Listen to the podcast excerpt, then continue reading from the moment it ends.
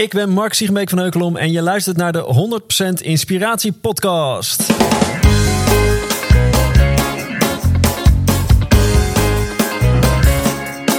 Hey, wat goed dat je luistert. Hij staat weer voor je klaar. Je wekelijkse dosis inspiratie is weer daar.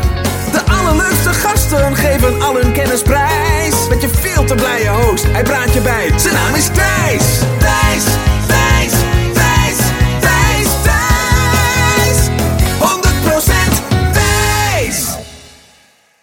Welkom, Dankjewel. Mark, voor de tweede keer. Ja, goed om hier weer te zijn. Ja, dat is meestal een goed teken. Ja, nou ja, Ja. zo interpreteer ik het maar. Ja, ik kan ook denken. Ja, vorige keer begrepen mensen je boodschap nog niet helemaal. Dus ik Eh, mag alles, eh, die twee uur moeten we gewoon eh, helemaal eh, opnieuw. Oké, nee, dat is goed. Ja.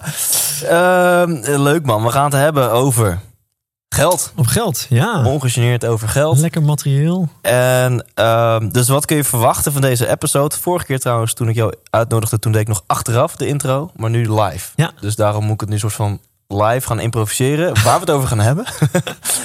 Succes. Maar eh, volgens mij weten we dat wel. We gaan het hebben Ja. ehm, nou, onder andere over dingen die jij ook in jouw online course met mensen deelt. Ja. En dat gaat over bekostig je ideale levensstijl.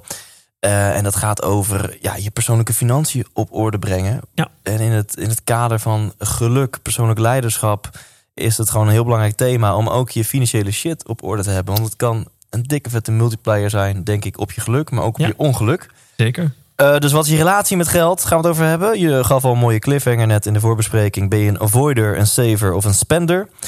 Ehm, seven, seven jars, zeven potjes komen voorbij. Waar je Zeker, geld in kan zeker. budgetteren en bijhouden. Ehm, vooral komen er volgens mij gewoon heel veel concrete tips voorbij. Dus, eh, I love this. Ik hou ook van lekker filosoferen over het non-dualisme. En is geluk geluk of is geluk maakbaar? En al dat soort dingen. En de verbinding met jezelf. Maar ik hou er ook van, en mijn luisteraar ook. En daarom zitten we hier om gewoon even... Laten we gewoon even één onderwerp pakken en inzoomen. En gewoon concrete tips. Mooi, mooi. Dat gezegd hebbende. ehm heb jij eh, eh, geleerd van de uitspraak van Remco Klaassen? Ja, Oh, dat is misschien... je- ja? Nee, go ja, ahead. nee, maar dat is, een, Ja? dat is wel een mooi startpunt. Ja? Hè? Want ik zei dat net tegen jou. En ehm, eh, kijk, ik zat hier de vorige keer om, om het. eh, de insteek was toen vanuit mijn boek helemaal naar de meditering. om het over meditatie te gaan hebben. Ja. Nou, daar was ik. Ik was nooit met meditatie gestart. als ik niet ooit de quote van Remco Klaas ter harte had genomen. Die luidt: Dat wat het vers van je afstaat, geeft in potentie de meeste groei. Dus toen ik bij hem, in de tra- bij, in, bij hem in een training zat en hij dat vertelde, toen wist ik, oh kut. Als dat waar is, want ik vond het een logische uitspraak. Ik denk, ja, daar zit wel wat in. Dan weet ik nu precies wat mij te doen staat. Ehm, which was ehm, allemaal spirituele shit opzoeken.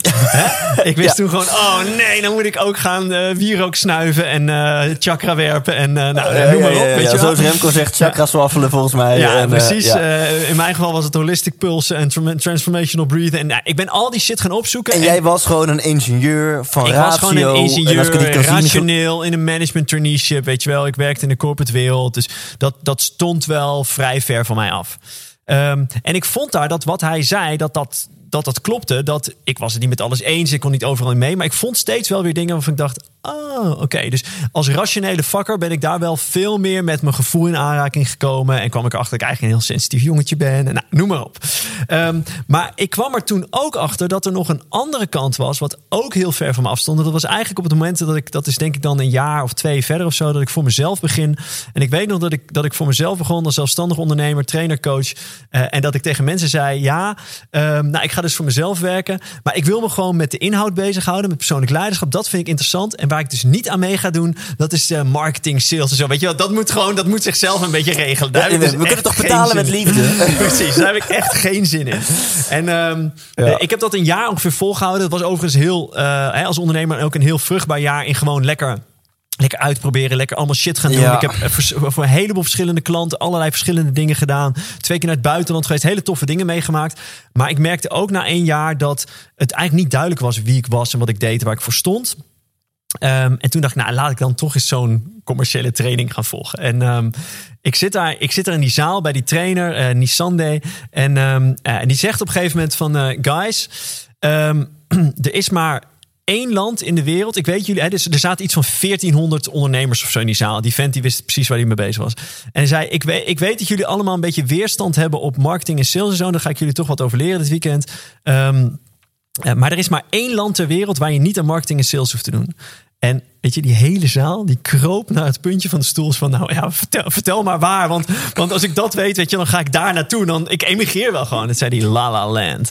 Oftewel, je, je kunt er niet omheen. Het hoort erbij. Hè? Dus, dus als je niet meedoet met marketing sales, dan zet je jezelf buiten spel als ondernemer. Nou, toen dacht ik, ah, kut, die vent heeft gelijk. Ehm, Oké, ik ga daar, ik ga daarmee aan de slag. En, ehm, en bij hem ben ik in aanraking gekomen met marketing en sales dingen, maar met, ook met geld. En met mijn relatie met geld. eh, daarin gaan onderzoeken. En toen kwam ik erachter dat er dus ook iets wat heel ver van mij afstond. Maar waar ik ook weer zoveel heb uit heb gehaald. En ook weer niet alles wat werd, werd aangeboden was. Hè, net zoals in die spirituele wereld. Paste bij mij of heb ik te harte genomen. Maar wel knetterveel. Niet alleen op financieel vlak, maar ook gewoon in, in mijn persoonlijke ontwikkeling heel veel groei uitgehaald. Omdat geld ook gewoon een Ja. spiegel is. Dus die ene uitspraak van Remco, dingen die het verst van je afstaan, daar zit in potentie de meeste groei. Hè? Ja. Waarom voel jij hier iets bij? Als jij gewoon helemaal chill was met het onderwerp, had het ook niks Precies, bij dan jou glijdt het af van je laten af. gaan. Ja, ja, ja. Ja, en, eh, en de ene kant was dat voor jou het, de spirituele kant, waar we het in de vorige episode over hebben Ja. gehad. Eh jij hebt de Vipassana meer dan één keer gedaan, Ja, drie toch? keer, ja. Holy shit. En dames en heren, dat is tien dagen lang stilte retreat. eh, Ja. Zes uur per dag mediteren. Eh, 14 uur per dag niet. Nou, bij mij totaal geen ongenoeg in mijn lijf. Dit staat totaal niet ver van me af. Nee, dus dit, hier zit voor mij ook groei. Ja. En, en wel grappig, het commerciële zat bij jou ook. Eh, En, en, Ja. laat ik even eerlijk zijn, want mensen kunnen soms mij misschien, eh, mij misschien zien of vinden of kennen als commerciële boy. Maar ik, ik ben eigenlijk ook iemand die net als jij wil zeggen van ja, ik doe gewoon mijn ding. En als je het tof vindt, leuk, ik koop een kaartje. En als je het niet tof vindt, niet. En Ja. laat mij lekker in mijn schulpje zitten. En ik, ik, ik, ondanks dat ik wel het doe, zit bij mij nog steeds ook een beetje Ja, die overtuiging dat ik denk van ja, maar ik wil niet aan je lurken. Ik wil Nee, niet. maar dit is, eh, weet je, dit is zo mooi dat je het zegt. Want dit is dus precies... Hier, elke ondernemer Ja. loopt hier tegenaan. Dus, dus als je ondernemer... Kijk, als je ergens in loondienst werkt... dan heb je het eigenlijk redelijk makkelijk voor elkaar. Want zolang je niet in een salesfunctie zit... je doet gewoon je dingen, je krijgt er geld voor. Maar als ondernemer moet je de hele tijd weer tegen mensen zeggen... ja, neem het maar van me af, want het is echt wat waard, hoor. Ja. En eigenlijk zeg je dan... neem het maar van me af, want ik ben echt wat waard, hoor. Dus weet je wat, dat zit eronder. Het gaat Ja. over dus hoeveel je vraagt... of je vraagt, geld vraagt voor je, eh, voor, voor je inspanningen. Dat, gaat, dat raakt allemaal aan, aan je eigen zelfwaarde. Wat vind je jezelf waard? Ja. Ja, het is een dikke vette spiegel. En de meeste mensen hebben daar geen zin in. Ehm, dus weet je, en dat, jij herkent dat ook. Van, ja, ik, ik heb geen zin om de hele tijd heel commercieel te zijn. Maar, eh, en, en dat hoeft ook niet. Maar als je het dus helemaal niet bent... en dat zie ik ook bij veel ondernemers... die net zoals ik beginnen en, en het niet, niet marketing en sales in de ogen durven kijken... maar ook bijvoorbeeld niet eh, hun eigen financiën onder ogen willen- zien. En dat geldt niet alleen voor ondernemers... maar dat Precies. geldt voor een heleboel mensen. Ja, weet je, als je het niet aan wil kijken... dan kun je er ook geen stappen in zetten. En dan ga je dus ook een stuk persoonlijke groei uit de weg. Eh, want om, om een van die, van die trainers van die, van wa- waar ik zelf heb ge- gezeten te quoten. Wat, wat zij zei was dat op het moment dat zij ging onderhandelen, onderhandelen in haar leven. Dus gewoon met mensen zeggen van nee, ik wil er minder voor betalen. Dat was haar, hij heeft ze de grootste groei in haar persoonlijke ontwikkeling ooit doorgemaakt. Omdat het heel erg gaat over grenzen stellen, Ja. behoefte aangeven. Ruimte in durven te nemen. ru- Ruimte in durven nemen. Ja. Confrontatie aan durven Ja. gaan. Dus, dus haar vent is daar op een gegeven moment ook heel ver gegaan. Die is een keer eh, de mediamarkt, heeft, heeft hij gewoon een van doos gepakt. Die is mee de kassa geloof ik en gezegd, ik betaal er 70 euro voor. ja, echt niet. Maar hij is gewoon gaan kijken, hoe ver, weet je, wel, hoe ver kun je dit doorvoeren? Gewoon om er zelf op te groeien. Overigens zonder mensen natuurlijk in dat proces te schaden. Hè? Het is niet dat hij uiteindelijk die shit jatten of zo. Maar, Nee, ja, ehm, Mooi, want daar gaan we het aan het over hebben. Ook als je geen ondernemer of freelancer of ZZP'er bent of niet je eigen bedrijf hebt. Nee. eh, je hebt als het goed is een bankrekening en een bepaalde Ja. financiële situatie. En om dan ongevraagd wat van mijn mindset dingen over geld te delen, eh, gevoed door deze podcast. Ehm, ik denk dat ik zeker in de eerste 150 episodes een on-the-spot gedeelte had zitten. Een van die on-the-spot tegenstellingen was en mensen moesten kiezen geld maakt gelukkig of geld maakt ongelukkig. ja. Ja, ik denk dat 90% van mijn gasten antwoorden geld maakt gelukkig. Maar het is natuurlijk verschrikkelijk, want je mag hem niet nuanceren, want het is zo'n tegenstelling. Mhm. Ja, ja, ja, ja. Nou, als ik hem wel mag nuanceren, geld kan een ongelukkig leven niet repareren. Dat is één ding wat zeker is. Niet, Mhm. oh, je bent depressief, hier heb je een ton, en je bent niet meer depressief. Nou, jij wil dat daar nu op ingaan, merk ik. Ja, ja, ja. Ja? Nee, eh, mag, maar, ja, mag doe ik heel klein beetje nuanceren? Dus geld kan een ongelukkig wel, eh, leven wel repareren als het ongeluk op geld zit. Hmm. Dus als je geldzorgen hebt, Ja, als hè, dus dat je de kunt reden is dat je daadwerkelijk bent, ongelukkig worden van, eh, van een gebrek aan geld. Dat kan gewoon. Dus als je Ja. in armoede leeft, dat, dat draagt bij aan ongeluk. Hè? Ja. Dus, dus dat is de nuancering. Maar je kunt niet, ander, je kunt niet liefdesriet eh, afkopen of zo. Nee, nee, precies. Of een eh, paniekaanval wegkopen Ja, of wat ja, dan ook. ja. Ja.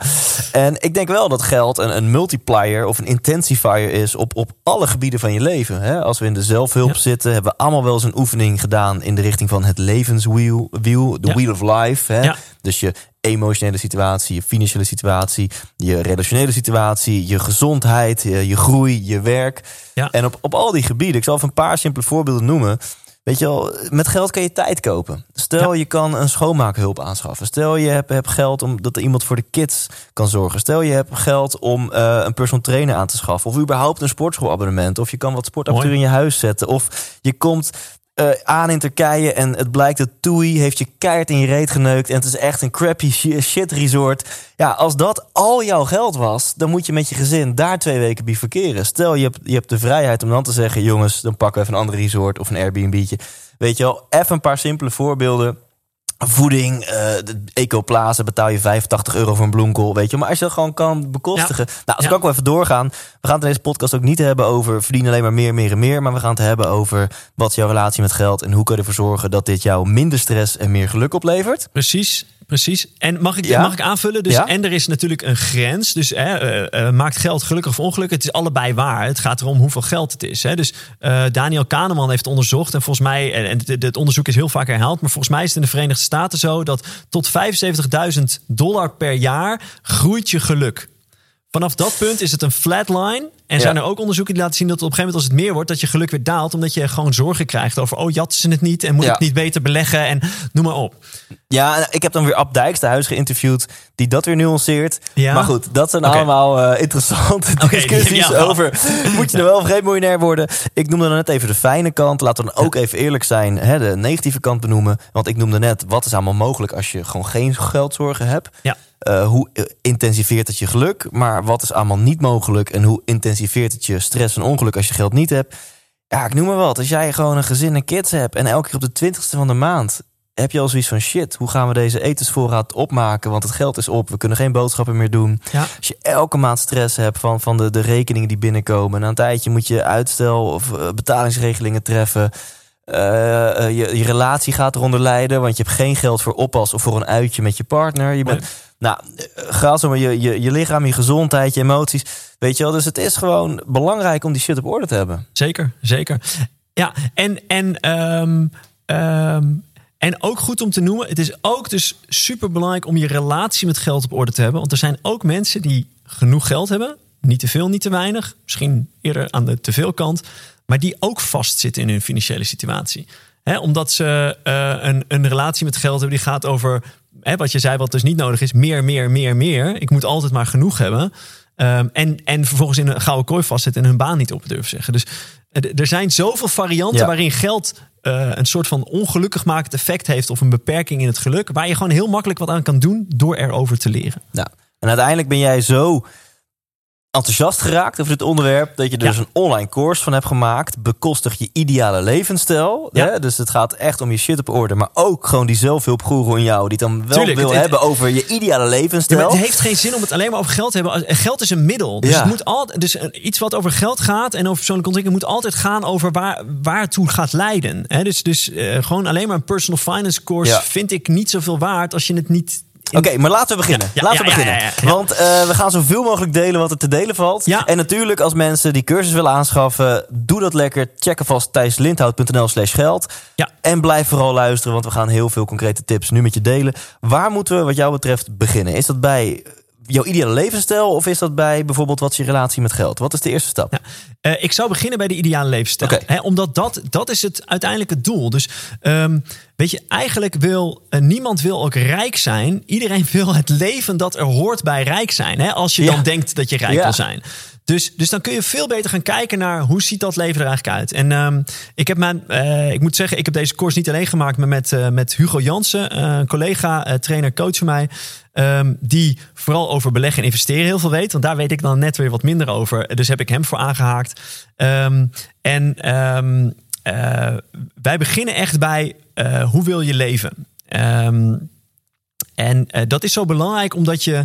nou, Dus misschien mooi om zijn verhaal erbij te pakken. Dus, dus hij ehm, heeft die, zichzelf die vraag ook gesteld. En hij kwam op: Ja, weet je, ik wil eigenlijk gewoon. Ik, ik, ik ben een zeiler. Ik wil gewoon de wereld rond kunnen zeilen.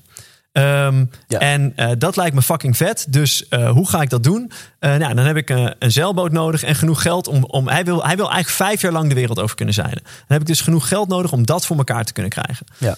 Ehm, en hij is gaan rekenen wat, wat er voor nodig was. Hij heeft een financieel plan gemaakt.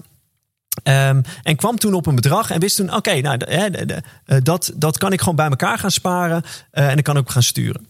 Nou, en eh, wat wij gedaan hebben, is we zijn ook eens gaan uitvragen bij ehm twintigers, dertigers, een beetje de millennial doelgroep. Ehm, hoe ziet dat voor jullie er eigenlijk uit? Dus wat zijn jullie grootste zorgen rondom geld? Maar ook als je nou je, je agenda helemaal leeg gooit. En je mag hem zelf, hè, even je ideale leven. Je mag hem helemaal vullen hoe jouw ideale Ja, leven eruit ja. zou zien. Ehm, dit, zijn, dit is ongeveer wat mensen dan zeggen.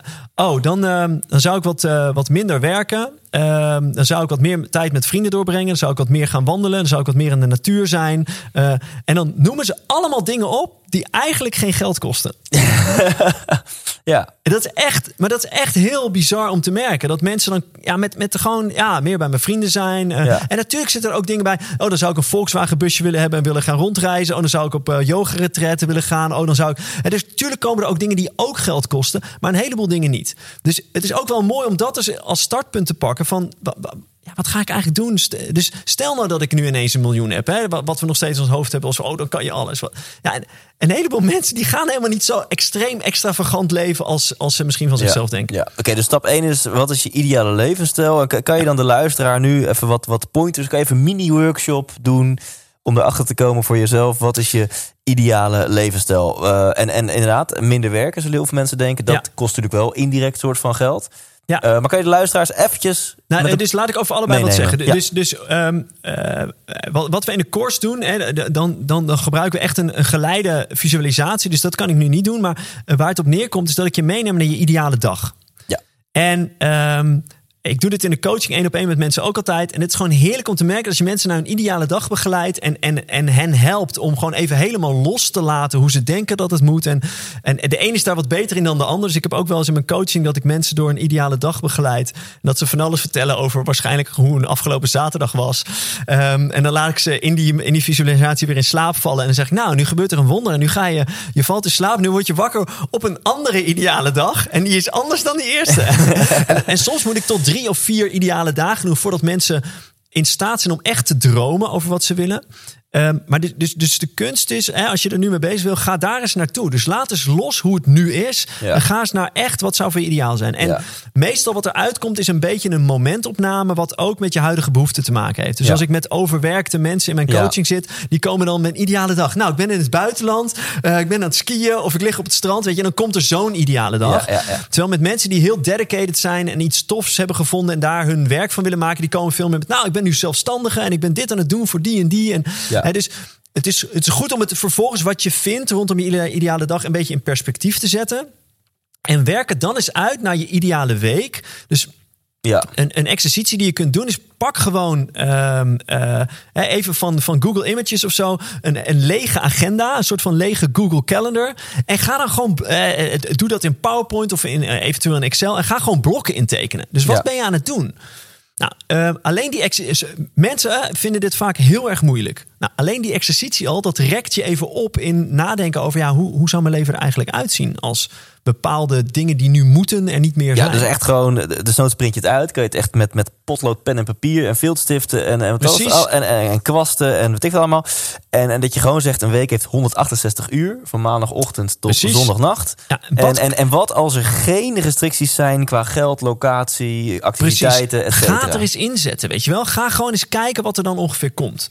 Ehm, en, en ik heb ook wel eens iemand gehad die zei... ja, ik had eigenlijk veel meer... Prima, dan duurt jouw week 200 uur, weet je wel. Maakt mij het een bal uit. Dus, maar dat, dat is alleen maar goed. Want dan kom je dus naar, naar hè, de, de, de soort van de mentale houding... waarin je mag dromen van jezelf. Ja, en waarin ja, ja, ja, je daarmee bezig gaat. Dus, nou, en wat je dan nog kunt doen... dat was een opmerking van een van, ehm, van de cursisten in, in die online course. Die zei van ja, ik merk dat het voor mij nog beter weet. Dus in één, niet elke week is voor mij hetzelfde. Dus hij had ook zijn ideale jaar gemaakt. Waarin hij zei, die drie maanden ben ik aan het werk. Die drie maanden ben ik aan het reizen. Die drie maanden ben ik weer aan het werk. En drie, drie weet je, die, die maakte er zo'n verdeling in. Dus Ja. durf die ideale dag. Dus rek hem in ieder geval op naar een week. Maar als dat voor jou is, rek hem op naar een, een kwartaal, een, seizoen, naar een Ja. jaar. Hè? Dus, maar dat je een beetje gevoel krijgt bij. ehm, als geld voor mij minder een issue zou zijn, hoe zou ik ongeveer leven? Ja. ja. Ja. Goed om daar En- even verbinding mee te maken en je daar bewust van te zijn. En ik kan me inderdaad ook voorstellen dat je in eerste instantie heel veel van je behoeften in het hier en nu erop projecteert. Dus Precies. ja, ik wil alleen maar cocktail en strand en, en Ja. dat soort dingen. Nou, dan Maar moet je waarschijnlijk even op vakantie. ga, ga dat eens even Ja. twee weken doen. En Ja. daarna denk je, nou ja, nu ben ik wel, is dat randje oververmoeid er wel vanaf. En dan heb je ineens een heel Precies. ander idee over wat Precies. echt je ideale dag En, en dan zou is. het best wel eens kunnen dat ehm, vooral die extravagante dingen, dat waren een soort van de, de ontstressoren die, je- die even uit je systeem moesten. En dat er dan dus ook allerlei dingen komen over. ehm, dus, dus er gaan dan dingen komen die wel geld kosten en geen geld kosten. Dus in Ja. mijn ideale eh, week heb ik bijvoorbeeld, wat je zegt, ik heb een schoonmaakster. Oh ja. Ehm, ja, ik, ik wil dat gewoon niet doen. Ik vind dat heel irritant, mijn eigen huis schoonmaken. Ehm, weet je, dus dat hoort erin en dat kost geld. Ehm, maar met mijn, eh, met mijn zoon eh, een stukje gaan, gaan wandelen in de kinderwagen of in de draagzak. Dat kost niks en dat is heerlijk. Ja. Ehm, dus nou, zo ga je waarschijnlijk dingen Cool. vinden die, eh, die voor jou belangrijk zijn. En, en voor we doorgaan naar het volgende punt. Je zei net iets en dat, dat wil ik nuanceren. Want je zei ja, want minder werken eh, kost geld. Hè, dus dan heb je minder inkomsten. Nou, een van de eye-openers die we eh, mensen ook laten ervaren in het begin van de course... is dat, dat werken ook geld kost. Ja, werken kost geld. Hoe? Ehm, dus dus de- hier laten we mensen ook wel een exercitie in doen. Ehm, je reiskosten. Maar ook je reistijd, hè, die zou je anders in iets anders kunnen stoppen. Eh, de kleding die je koopt. Hè, dus ik, ik ben nu al zes jaar ondernemer. Ik heb bijna nooit meer een overhemd aan. Laat staan een pak. Alleen naar bruiloften en, en toffe feesten, weet je wel. Dan, dan doe ik dat aan, omdat ik er dan zin in heb. Maar anders heb ik eigenlijk nooit zin om dat aan te hebben. Dus al die pakken en, en overhemden en stropdas die ik ooit gekocht heb... die kocht ik echt voor mijn werk. Dat was allemaal geld wat ik eigenlijk om mijn werk te kunnen doen uitgaf. Ehm, en als je dit soort dingen op een rij gaat zetten. Dus ik heb, eh, ik heb het op een gegeven moment ook met mijn vriendin gedaan. Zij kwam er. Dit, dat, was best wel chockerend. Ehm, zij krijgt heel weinig reiskostenvergoeding. Eh, ze zit een uur in de auto heen, een uur in de auto terug. Zij werkt, eh, als zij ze werkt parttime, ze werkt vier dagen. Als zij vijf dagen zou werken, dan zou één van die dagen zou zijn om haar reiskosten terug te verdienen. Wauw. En ehm, er is een hele mooie TED-talk van een, van een Engelsman die dit wat, wat breder heeft uitgezocht. En die heeft allemaal dingen van wat, wat geld kost, heeft hij op een rijtje gezet ehm, rondom werk. En, en toen zei hij: So now it's uh, Friday morning. And uh, this is the first time uh, when you're starting to get paid. to eat some food. Ja, ja, ja. Dus, dus soort van dat waarvan je denkt van een baasbehoefte, daar gaat het om. Nou, dan had hij het wel ingedeeld dat hij wat andere dingen eerst voorbij liet komen. Tuurlijk, maar die tuurlijk. waren allemaal meer werkgerelateerd dan eten. ja, ja. Dus ehm, een inzicht dat veel mensen ook hebben, is dat als ze de, als een. Dus ook even om je geest vrij te maken en op te rekken voor je ideale leven. Als daar minder werk in zit dan nu, dan denk je, oh, maar dan krijg ik veel minder binnen. Ja, grote kans. Maar het zou ook eens kunnen dat je ook gewoon minder duur leeft, omdat bepaalde dingen niet meer nodig zijn. Of Ja. niet in die mate. Ja, helder. Oké, cool. Ja. Stap 1, helder, ideale levensstijl. Ja. Next step. Stap 2, je relatie met geld. Ja, daar heb ik zin in. Je relatie Ja. met geld. Vertel. Dus- en eh, sommige mensen denken, mijn relatie. Ik heb een Nee, relatie dat- met mijn partner. Wat, Precies. Le- nee, licht toe. ja, super irritant. Klinkt ook eh, hè, in, deze podcast. ja, oh jezus. Ehm, in deze podcast kan het, maar eh, voor sommige mensen klinkt het ook een beetje zweverig. Ehm, nou, eh, begin, laten we hier beginnen. Ik noemde ze al, of jij noemde ze even omdat ik ehm, er wat over had gezegd. Gewoon om je meteen een gevoel te geven. eh, denk eens voor jezelf na. Hoor, ben ik primair een, een eh, saver, een spender of een avoider? Nou, wat zijn dat? Een saver is iemand die geld, als geld binnenkomt, dan pot hij het op. Ja, hamsteren. Eh, lekker hamsteren. Een, een spender is de persoon met de gat in de hand. hey, geld, waar ga ik het dan uitgeven? Precies. Ja. En een avoider heeft geen idee wat erin komt en wat eruit gaat. Maar ja, er komen geen meldingen binnen dat het niet klopt. Dus het zal wel goed Gewoon gaan. kop in het zand. Kop in het zand Nee, nee, en gaan. Gewoon Ja, ehm ja. ja, ja, nou, eh, eh, Thijs, eh, gewoon even primair. Wat is, je, wat is jouw primaire houding? Saver, ik- ik, ik, zit dan avoider slash spender. Ja, avoiders. Dus die, die gaan wel vaker samen. Ja. Ja. Ehm, Ik, ik zorg ervoor dat er gewoon genoeg binnenkomt. Maar voor de rest geef ik het als een malle uit. En check ik nooit achter mijn rug om wat er gebeurt. Nee, dus dan ben je meer nog een avoider. Ja, eigenlijk. ja, denk het wel. Precies, ja. Nou, ehm, dus jij bent eh, primair meer een voider. Ik ben primair echt de spender. Dus ik weet nog dat ik ooit, ehm, toen was ik 18 of zo, toen kreeg ik een. eh, ik, wist, ik wist wel wat er op mijn rekening stond, maar ik zorgde ook dat het, dat het leeg was, weet je wel. En ik weet dat ik een legaat kreeg, een soort van kleine erfenis van een oud-tante. Dus toen kreeg ik, weet ik veel, 1200 gulden of zo. En ik weet nog dat ik toen dacht: oké, waar ga ik dit uitgeven? Ja. Wintersport. Ik kan op wintersport. En ja, gewoon, weet je wel, drie weken later was het op. Ja. Dus voor mij is dat gewoon. En ik weet dat ik vroeger riep van. in Mijn, het gat in mijn hand is zo groot dat mijn vingers er bijna van afvallen. En daar was ik dan ook een soort van trots op, weet je wel.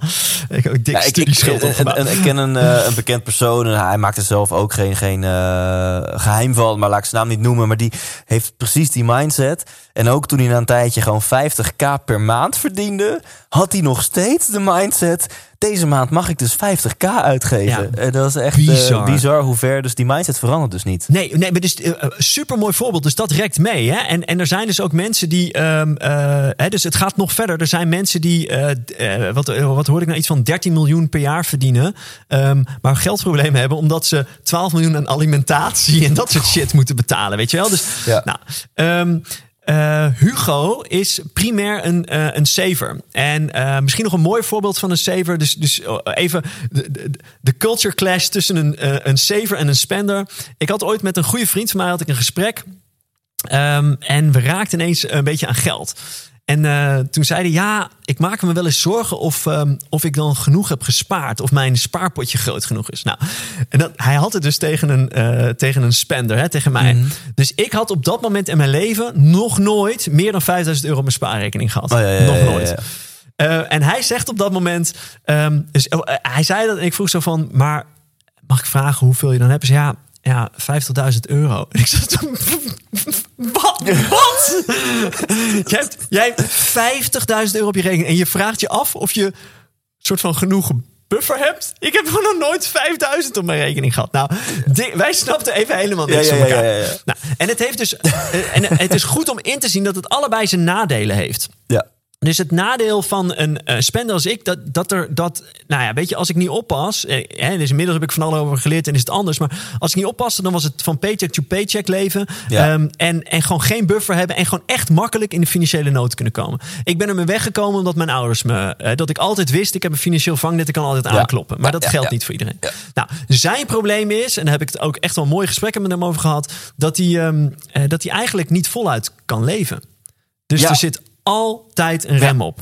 Als ik met hem naar de sauna ga, dan eet hij een dag niet. Want het kost geld. Vindt hij zonde van zijn geld om daar dan iets te kopen. Oh, hij eet in die... Oh, dus god, dan gaat ja. hij gewoon vasten. Ja, nee, weet ja. je wel? Dan gaat Ja. hij gewoon. eh, En, en ergens kan ik het ook wel waarderen. Dat ik denk, ja, dat moet me niet, weet je wel. Ja, ik, heb, Maar- ik krijg ook wel een zenuwinzinking als ik sta af te rekenen na een dagje sauna. Tuurlijk, maar, je het gaat naar dat ding om jezelf te verwennen, weet je wel. Dus, dus doe het dan ook. Nou, dus ehm. Nou, zo leren wij van elkaar heel veel. eh, hè, maar, maar dus dit zijn... En, en dan heb je nog de typische avoider. Die zie ik heel vaak in mijn coachpraktijk. En dat zijn mensen die dus, en, en net als jij, gewoon geen weet hebben van wat er gebeurt. En daardoor ook gevoelsmatig nul grip hebben op hun fin- financiële situatie. ja. En daarmee ook nul grip hebben op hun leven rondom keuzes als ga ik misschien een keer ander werk doen, ga ik eh, anders wonen, ga ik. Hè, dus als je niet weet wat er gebeurt, dan iets in jou weet dat je het niet weet. En Ja. wordt er een beetje onrustig Ja. van dat je eigenlijk niet. Ja, ik weet helemaal niet of ik minder kan gaan verdienen, want ik weet helemaal niet wat erin komt en wat Ja. eruit gaat. Ja, ik wel leuk, want je motiveert mij nu al om, om wat dingen... Ik heb nu al zin om Excel te openen. En dingen op een rijtje te dit- zetten. ja, maar en dat is zo tof. Dat, eh, dus ook, kijk, ik, wat ik voortdurend tegen mezelf moet zeggen is... ja, maar Mark, jij hebt eh, technisch bedrijfskunde gestudeerd... en je vond het toen ook leuk om wel eens in Excel te kutten. Dus ik weet hè, dat er een nerd in mij zit... die er ergens ook van die getalletjes kan genieten. Maar ik ben dus, oh, weet je wel... ik ben ook echt die spender die maar wat deed. Ja.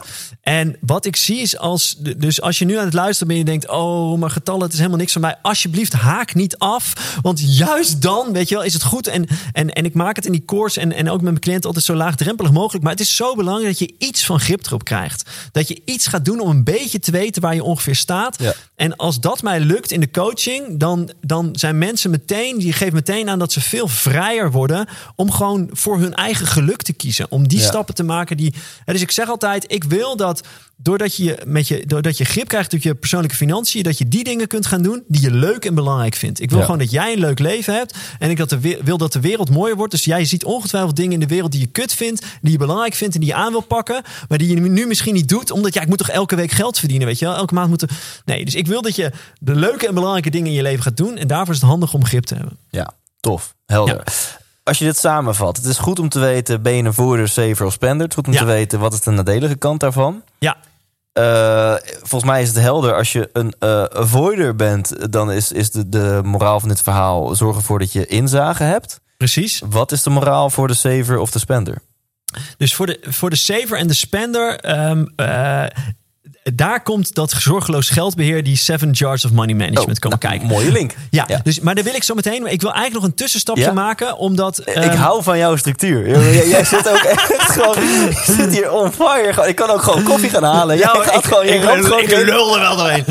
Nee, maar Ja. de- de- want eh, volgens mij mogen we daar zo meteen heen. Maar, maar dan sluiten we eigenlijk al een relatie met geld af. En dat zou jammer zijn, want daar is nog iets over te zeggen. ja, ja, graag, en dat graag, is dat ik heb nu eigenlijk alleen maar op hoofdlijn drie typen aangegeven. En het is ook wel goed om te nuanceren dat wij allemaal al die typen in ons hebben. Dus ik heb ook naast mijn spender heb ik ook wel ergens een saver. Eh, en ook wel ergens een avoider. Hè, dus het, is nooit zo plat als ik ben alleen maar dit. Ehm, en dat komt omdat je relatie met geld is veel persoonlijker en specifieker dan dat je het. Dus dit helpt even om mensen om, om, te gaan denken: oh ja, eh, ik, ik ben inderdaad anders dan mijn vrienden of dan whatever. Maar jouw relatie met geld is altijd veel specifieker dan dat. En eh, ja, laten we even kijken of dit werkt. Dus ik, ik ga jou eh, voeden met een zinnetje. Och, kom maar op. Eh, dus even gewoon een, een, een oefeningetje direct terwijl we hier zitten. Ik ga je voeden met een zin en ik vraag je om die direct af te maken. Dus gewoon intuïtief het eerste. Ja. En je mag hem een aantal keer gewoon schiet maar eens welke, welke eerste associaties bij je opkomen. Ready? Ja? Oké. Rijke mensen zijn. Mooi. En? Rijke mensen de- zijn. Eh, gelukkig, succesvol, eh, groot, zon, eh, BMW. Oké, top. Kom, zo, kom ik zo op terug, ja? Nog eentje. Ehm, geld is. Ja, je gaat het oordelen. Het eerste wat weer me opkwam was mooi. Ja, ruilen, ehm, karma, verdienen, sparen, spelletje. Mooi. Oké, check. En dan heb ik er nog eentje voor je. Ehm, ehm, even kijken hoor. Ideeën en overtuigingen over werk die ik heb opgedaan. Go. Ideeën en Moet- overtuigingen. Ja, eh, moet leuk zijn, eh, essentieel om te kunnen leven. Eh, als je het niet leuk vindt, heb je geen leuk leven. Ehm, geeft stress, kans op burn-out. Nou, dus, dus ehm, als je associatief, intuïtief op deze dingen gaat antwoorden, dan, dan zul je wel eens merken dat er ook dingen uitschieten dat je denkt. Weet je wel, wat zeg ik nou? Waar slaat dit nou op? Eh, misschien dat jij het weet, ook kom ik met zon en BMW, weet je wel? wat de fuck is dit? Rijke mensen zijn zon en BMW. Nou, eh, wat ik, wat ik uit jouw antwoorden haal, even gewoon... eh, jij hebt een vrij gezonde psychologie richting geld. Dus ik vermoed dat, dat het voor jou niet al te moeilijk is om geld te verdienen en bij je te houden. Omdat jij en van geld en van rijke mensen een Ja. redelijk positief beeld hebt. Ja. Hè, Ja. dus er zit wel een valkuil in dat je eh, mogelijk alleen maar meer en meer en meer wil blijven verdienen. Omdat je denkt dat het nog mooier en zonniger en meer Precies, bij BMW's... mij zou eerder de valkuil zijn, je denkt te positief over, over geld. hè? Precies. Ja. Eh, ja. Ja, en ehm, ik ga je nu delen wat er bij mij kwam. Dus ik zit in een training, ik krijg dat zinnetje. Rijke mensen zijn. En ik ben helemaal in die modus, weet je wel. En, en, en ik ben uitgenodigd om ook alles wat eh, soort van maatschappelijk politiek incorrect klinkt. of waar je jezelf voor schaamt. om het gewoon bam, schrijf het op. Dus ehm, oké, rijke mensen zijn. Teringlijers, klootzakken, egoïsten, doen niks goeds voor de wereld. En ik, het is echt zo. Ik Mark, wist, rustig. ik wist dit dus niet over mezelf. Maar ik wist oprecht Ja, niet ja. dat dat mijn beeld en van bij veel was. luisteraars ga- gaat nu, verschijnt nu de glimlach op hun gezicht, omdat ze zich hierin herkennen. Oké, heel goed. Jongens, you're not alone. I'm here with you. Ehm, en toen kreeg ik het zinnetje geld is. Nou, en toen kwam bij mij smerig. Geld is vies. ja. Eh, schaamte, zoiets. Nou, ehm, we zijn het, hè, dus, dus die, die trainer die hielp mij onderzoeken. En, en ik doe dit met mijn cliënten tegenwoordig ook heel veel. En ook in de course doen we dit ook helemaal. En waar kwam ik achter? Eh, nou, bijvoorbeeld op, op geld is vies. Dit is gewoon letterlijk wat ik vroeger van mijn moeder geleerd Ja. heb.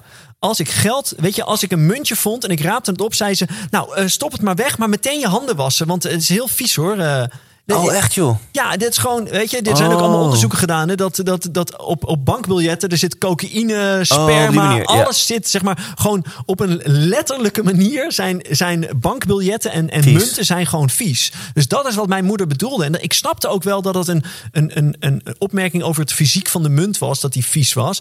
Maar er gaat toch ergens een relatie liggen met. eh, ja, weet je wel, eh, nou stop het maar snel weg en eh, was je handen en, en, Ja. en heb het er niet meer Ja. over. Nou, Ehm, eh, op zo'nzelfde manier met rijke mensen. Daar weet ik eigenlijk niet precies hoe ik eraan ben gekomen. Ik denk dat het ook vanuit mijn moeders kant komt, die gewoon vroeger arm was. Dus die, eh, of arm was, die komt niet uit een heel, eh, heel rijk gezin, zeg maar. Ehm, eh, dus ergens is dat mijn psychologie ingekomen. En als ik één ding weet, is dat als ik die overtuigingen over rijke mensen. Ehm, als ik die niet helder krijg voor mezelf en, en niet actief probeer erop te sturen dat het anders wordt, dan zal ik nooit een, een, een beetje een redelijke buffer op mijn rekening hebben. Ja. Want als ik een buffer op mijn rekening heb staan, dan vind ik mezelf richting rijk Ja, gaande. ja. En dan vind ik mezelf dus een teringleier, klootzak, egoïst en al die dingen. Ja, daar ga ik, weet je, onbewust ga je, dat is hoe de menselijke psychologie werkt, ga je daarvan afbewegen. Nou, dus super belangrijk om dat helder te krijgen en daar langzaam mee te gaan breken. Eh, dus wat ik tijdenlang heb gedaan, dit, ja, dit, die mensen gaan dit te biel voor woorden vinden, maar.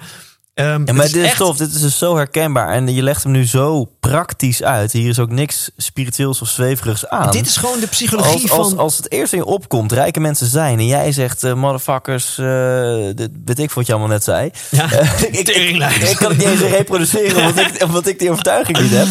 Ehm, ehm, en, en, en als jij dan zelf rijk neigt te gaan worden... Ja, dan kikt op onbewust niveau die overtuiging in. Ik ben geen motherfucker. Ik ben geen rijke stinker. En dus dan ga je dat Dan, saboteren. het is gewoon klaar uh, can't compute, eh, Ja. moet wat doen, eh, weg Ja, ermee. Nou, ja. Dus ehm, ehm, belangrijk om, om dan iets in je leven te gaan doen om daar een beetje mee te gaan breken. En wat ik ben gaan doen, ehm, naast dat zorgeloos geldbeheer waar we zo meteen op komen, is ook gewoon elk fucking muntje dat ik op straat vond. Ik heb echt heel veel 1 cent, eh 1 eurocent muntjes opgepakt. Oppakken, kussen. I'm a money magnet baby. En dan in je zak stoppen. Gewoon om. Hè, dus dit is neurale paden opnieuw aanleggen. En, en het moment dat je geld vindt, gaan vieren. En dat het leuk is en dat Ja. het mooi is en dat het goed is. Ja. Omdat anders blijft geld vies. Ehm, gaan verdiepen in hele rijke mensen. Dus ik vond het heel waardevol om eh, de Netflix documentaire over Bill Gates te kijken. Ja. Een van de rijkste mensen ter wereld die zich zo keihard inzet voor, voor anderen. Dit is geen egoïst, dit is geen teringleier. Dit is geen, weet je wel, die man die, die, ja, die doet alles wat hij kan om de wereld te verbeteren. Precies. En zo zijn er veel meer voorbeelden van superrijke mensen die hele belangrijke dingen doen. En, en dus door dat tot mij te nemen, begin ik langzaam een klein beetje te breken met, oh ja, oh, rijke mensen eigenlijk zitten Ja. Er bestaan in ieder geval hele toffe Ja, rijke mensen. Ja, Laat ik je wat vertellen over dan waar denk ik mijn antwoord over na Ja. komen. Eén, en ik, Tony Robbins heeft mij ooit geleerd dat je gaat of je ouders kopiëren of Ja. het exact tegenovergestelde doen. Precies. En bij ons thuis, eh, eh, mijn moeder was gewoon altijd thuis voor de kids en voor het huishouden. En mijn pa die verdiende het geld en die had gewoon een prima modaal inkomen. Eh, maar het was alles bij elkaar toch best wel krap. Zo met z'n vieren. En misschien woonden we net in een iets te groot huis. En kon mijn moeder misschien net iets eh, niet, niet goed genoeg met het geld omgaan. Want zij was toch degene die dan vooral het geld beheerde. Want zij deed de boodschappen en zo. Dus ik heb altijd wel gezien van dat het dan net wel, net niet ging. Ik weet ik wel, als dat mijn vader dan zijn bank of zijn- bankafschrift op tafel neerlegt. En dan ja, eh, elke maand gaat er toch meer uit dan het er binnenkomt. En soms op vakantie gingen we maar in het, in het huis van bekenden zitten. In plaats Oh ja. van op vakantie. Totaal niet dat ik zielig ben, maar wel gemerkt van nou, het is, het is, Het is, niet in, het is onhandig. er is als- geen overvloed. Nee, precies. En Ja. ik heb daar denk ik ergens onbewust de keuze gemaakt. Ik ga ervoor zorgen dat geld in mijn leven geen issue is. En dat heb Ja. ik vanaf mijn dertiende al in de praktijk gebracht. Door niet de ondernemer te zijn of fucking te beleggen of slim te zijn. Door gewoon op mijn dertiende al een krantenwijk te nemen als enige van mijn levensgenootjes. Op mijn zestiende er gewoon... Mijn levensgenootjes die kregen 50 euro kleedgeld per maand. En werkten of niet of vier uur per week bij de Albert Heijn. En ik werkte gewoon 20 uur per week bij de Albert Heijn na school. Weet je wel? Ja. En dat, Ja. nou, dat, dat, dus gewoon hard werken. En, en nou ja, tot op de dag van vandaag is het me dus gelukt dat geld gewoon geen issue voor me is. Plus, met deze podcast heb ik gewoon superveel mensen mogen interviewen waarvoor geld echt geen probleem is. En veel Ja. van mijn vrienden, ja, klinkt zo stom, zo zie ik ze helemaal niet. Maar technisch gezien zijn die miljonair. En al die gasten, die, die zijn zo ontzettend bezig met zelfliefde, met de tocht naar binnen, met mediteren, met tijd met hun vrouw en kids, met de Mooi. ideale levensstijl, met de camper leuke dingen doen, weet je. Dus mijn hele beeld, en er zijn ongetwijfeld duizenden miljonairs in Nederland die wel in het beeldje passen van die asociale Porsche-rijder, die bla bla bla bla bla. Maar in mijn bubbel zie ik alleen een, maar Wat wow. een rijkdom dat je dus zoveel mensen met veel geld kent... die goede dingen doen en die vriendelijke, Ja. fijne mensen zijn. En, en misschien is het bij mij wel dat ik daar een gebrek aan heb gehad. Dus dat ik... ik Weet je wel, ik heb een eh, hele mooie, dure dubbele achternaam. Maar wij, weet je wel, ik heb geen. Mijn ouders hebben geen superrijke vrienden of zo. Ja. Dus, dus ik, heb, ik heb het een beetje uit de films misschien wel Precies. op moeten maken. Weet je, en daar moest ik het mee doen. Ik heb, ik heb heel lang een stichting gehad. Inmiddels bestaat die stichting nog steeds. Maar hij wordt nu gerund door, door een aantal super toffe, enthousiaste, inspirerende dames. Rocking Up Christmas. En, en de begroting was soms wel 50, 60, 70.000 euro om duizend gezinnen onverwachts met kerst een tof luxe kerstpakket te geven. Ja, en jaar in jaar uit is gewoon, ik denk 80% van die pot eh, gewoon gevuld met de eerder genoemde ondernemersvrienden. Weet Ja, je wel? Dus om, om mijn Ja. mindset maar nog meer te voeden. Dus Ja, daar, mooi. Ja, ik, ik ben dankbaar dat dat mijn associatie is. Tof, super mooi. Ja. En eh, wel leuk wat je zegt hè, met ehm, je kunt je tegen je ouders verzetten of, of, eh, of weer meegaan. Dus voor, voor luisteraars als ze zeggen van ja, maar hoe werkt dat dan? En, en eh, dat er ook wel eens met dezelfde opvoeding verschil zit tussen ehm, eh, broers en zussen. Heel mooi voorbeeld. Ehm, eh, eh, het is eh, 19, wat was het, 39 of zo. En, ehm, of 40, 41, mijn geschiedenis eh, eh, is, eh, kennis is eh, niet heel goed. Maar er- wordt duidelijk dat, eh, dat Nederland in oorlog is met, eh, met Duitsland. Dus er is een gezin, eh, eh, vader, moeder en eh, twee jonge meisjes. Een tweeling, een tweeling, hè, dus precies hetzelfde DNA. Ja, nee, Ehm, ik, ik, die ik te smullen, ja. Die staan in, een, in die kamer en, en op de radio komt het nieuws door. Nederland is in oorlog. Wat er gebeurt is, die ouders die staan op. Hè, dus die horen dat, die schrikken ervan, die staan op. Die lopen naar elkaar toe en die geven elkaar een knuffel. En dit is een beslissend moment voor de interne psychologie van allebei deze meiden. Dus die ene die ziet dat en die denkt, oh, dus, dus zo ga je met elkaar om als het tegen zit. Dan zoek je elkaar op. En die ander die denkt, en, en dit, dit is de rode draad vanaf dat moment in hun leven. En die ander denkt, oh, dus zo ga je met elkaar om als het tegen zit. Dan sta je er alleen voor. Want ja, zij, zij Ja. keek naar zichzelf en die ander keek naar de ouders. knuffelt nu mama en niet mij. Ja. En, en dus de conclusie die je, die je trekt uit bepaalde gebeurtenissen, weet je wel, dat is, niet, dat is niet straightforward. Maar het heeft wel met je verleden vaak te maken. Nou, en, en eh, ehm, dus, dus dit is wat ik kan spelen. En nog even. ehm, ik, ik gaf wel aan, de spenders zit heel erg in mij, maar bijvoorbeeld ook de, ehm, eh, de saver. Dus bij, bij mij is er ook wel angst om geld uit te geven zodra je risico loopt. Dus als ondernemer ben ik een slechte uitgever. Dus ik vind het moeilijk om mensen in te. Dat vind ik me allemaal spannend. En moet ik daar wel geld in investeren? en, en dan denk ik ineens, maar ik was toch zo'n spender? Oh ja, Ja. wacht even. Hier kom ik dus een heel ander stuk in mezelf tegen. Ja, ja. En, ehm, en dat kan ik dan ook weer herleiden. En, en dat is ook zo mooi om voor jezelf experimenten te bedenken om daarmee te breken. Dat ehm, wij, nou, wij hadden het thuis. Ik kom echt wel uit een warm nest. We hadden het helemaal niet slecht. Ehm, maar mijn moeder komt dus wel ergens vandaan waar minder geld was. Dus mijn moeder zat wel echt, die zat er wel bovenop. Dus ehm, wij hadden überhaupt de luxe dat we wel eens uit eten gingen. Maar als we dan uit eten gingen, dan zei mijn moeder altijd: jullie mogen één drankje Oh ja. en niet meer. Ja. Eh, en daarna bestel je maar water. Ja. Nou, dat werd erin gehamerd, weet je wel. Dat was, dat was hoe het ging, want het was te duur. Nou, ik had natuurlijk allemaal vriendjes. Ja, die gewoon dan, uit, als ik dan mee uit eten ging, die de hele avond allemaal drankjes mochten bestellen en zo. Dus, dus dat, werd helemaal een soort van ding voor mij. En toen zat ik een paar jaar geleden, toen zat ik met eh, wat vrienden op een, eh, op een strandpaviljoen. Ehm, iedereen had er besteld, behalve nog eh, een vriendin van mij. Die was nog, die zei, nou, ik wil graag een groene thee en doe maar die, die beste smoothie. En ik kijk en ik zeg, wat, wat de fuck doe jij nou? Bestel je nou twee drankjes? Ze ja, tuurlijk. Dat had ik, ik had in allebei zin. Ik zo, en het was echt in mijn hoofd kortsluiten van... Maar dat mag helemaal niet. Wel, dan ben je ergens, ergens begin 30... en dan, dan heb je nog een soort van onbewust in je hoofd van... Ja. ik mag helemaal... Dus echt, ik heb dat door wat er gebeurt. Ik zeg, mevrouw de Visser, wacht, stop. Ehm, ik wil naast mijn groene thee ook een smoothie, weet je wel? Ik heb gewoon iets bijbesteld. Zo'n kleine mark op de bank. Maar ja. echt gewoon losbreken met dat oude patroon. Dus ik vind het nu heerlijk om soms gewoon twee drankjes Ja. tegelijk te bestellen. Ja. Gewoon om, om even te weten, weet je, een beetje dat overvloedsdenken. Was het niet met jou dat ik twee hoofdgerechten bestelde? Ja, ja, dat was laatst. Ja.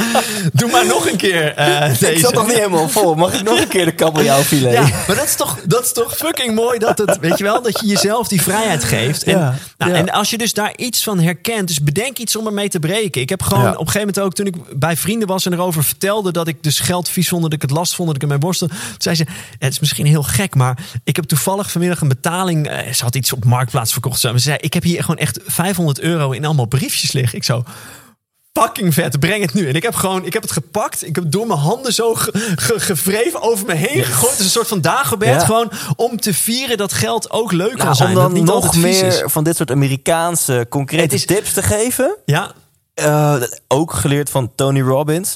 Maar ik doe het best regelmatig. Ook omdat ik me... er- ah, het is een win-win. Want en ik erger me eraan dat, dat als je een keer cash nodig hebt... wat soms nog het geval is, dat ik het niet heb. ja. En het is gewoon goed voor je mindset als je portemonnee open doet en je ziet daar cash. Dus wat ik nu eens in zoveel tijd doe, dan pin ik, I don't know, 300, 350 euro. En dan gooi ik die flappen in mijn portemonnee. Waardoor eigenlijk altijd als ik mijn portemonnee open, zitten er gewoon allemaal flappen van 50 No euro in. en na, na een paar weken of zo is het op en dan doe ik dat opnieuw. ja. En, eh, Mooi om ehm, jezelf te trainen. Er is genoeg geld. Zo hè? Ja, en ik, dit is alweer een reminder. Op dit moment is het op. En ik merk nu al, ja, ik heb een nou, zoals we net merkten, vind ik ook prima zonder money mindset. Maar ik vind het wel lekker. wel, Als Ja. je portemonnee pakt, dat daar gewoon een paar flappen van 50 in zitten. Mooi, mooi. Ja. Prachtig om jezelf eh, te trainen. Ja. Oké. we- Nou, we en- vliegen volledig. Ja, ga verder. Nee, maar misschien mooi ook om. om, om hè, dus, dus, ehm, eh, want wat jij nu zegt met je portemonnee vullen met geld, eh, met, met, met flappen, dat zou weer eens haaks kunnen staan op, ehm, op het eh, zorgeloos geldbeheer. Hoeft niet hoor, maar. Oh ja, ja, dus ja, ja. misschien mooi om daar even in te duiken. ja, hè, en zijn dat dan die zeven potjes? Precies. Dus laten we die zeven potten er gewoon eens bij pakken. Welke zijn dat? Ehm, eh, dus dus nou, eerst even het concept. Hè. Wat de meeste mensen. Dus eigenlijk ga ik het gewoon hebben over iets mega saais, namelijk budgetteren. Maar weet je, iedereen die dat een keer geprobeerd heeft, werkt niet, lukt niet, is stom, is saai, is kut. Maar Eh, mooi dat je een reverse pre-pumper doet. In de taal van Remco Klaassen. Ja. Dames en heren, let Ja. goed op. Schrijf Ja. mee. Dit is echt heel essentieel. Ik ga het hebben over iets heel erg ik saais. ga iets mega saais, ga ik nu leuk en aantrekkelijk maken. Oké, cool. Ehm, nee, dus, dus eh, hè, het is wel handig om grip op je geld te krijgen, maar op een manier dat het je, weet je, dat het je niet zo tegenstaat als met budgettering. Want hoe de meeste mensen het aanpakken, die zeggen dan: Oké, nou, eh, ik heb dus gewoon één, spa of, eh, één eh, lopende rekening, er komt er geld op binnen. En dan mag ik zoveel aan dit en zoveel aan dat en zoveel aan zus en zoveel aan zo uitgeven. En dan check ik aan het eind van de maand of het gelukt is. Ja, dus komt op één fucking grote berg. Komt keer Alles komt maand op een berg binnen en dan moet je een soort van ondertussen bijhouden of dat dan goed gaat en aan het eind checken. Nou, dat is natuurlijk één grote ramp. Dus het idee van de Seven Jars of Money Management, en wij noemen het zorgeloos geldbeheer, is dat je ehm, eh, dat je gewoon je, je salaris dat binnenkomt. En als je ondernemer bent, het salaris dat je jezelf aan, aan jezelf uitbetaalt. En als je ondernemer bent die geen salaris aan zichzelf uitbetaalt, ga een salaris aan jezelf Ja, ja. uitbetalen. Dat is Zet- een soort van druk nu op- stap, druk nu op stop en bepaal voor jezelf hoeveel je aan ja. jezelf gaat uitgeven. Echt doe dat. Dus het, het werkt niet als je maar gewoon wat doet. Ja. Je, geef jezelf een salaris uit je eigen zaak. Nou, eh, anyway, het salaris dat op, je, op jouw privérekening binnenkomt, dat verdeel je meteen over, over zes potten. En ik zal zo meteen uitleggen waarom er zeven potten zijn.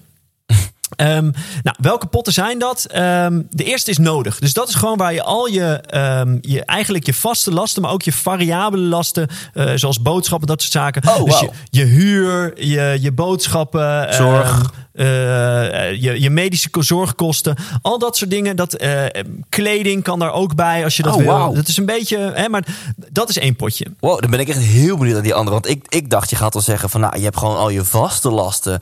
Dus hypotheek en zorg en telefoon is één. En dan gaan we het volgende potje, dat wordt Nope. boodschappen en kleding. En, maar nee, Nope. jij zegt dus Dit is, dus, de- weet je, dat is alle is essentiële levenskosten. Alle essentiële levenskosten in het potje nodig. Ja. Nou, dan gaan we naar potje 2, dat is plezier. Ja. Dus wat je niet van het nodig potje betaalt, dat is eh, dat je lekker op, eh, op stap gaat, dat je die massage gaat halen. Dus alles wat je voor je ontspanning en je plezier doet, dat doe je van het potje plezier. Even een vraag over het eerste potje. Dat houdt Ja. er wel in dat je dus... Want kijk, hypotheek, dat weet je. Je zorg, dat weet je. Je Ja. Ziggo Sport, dat weet je.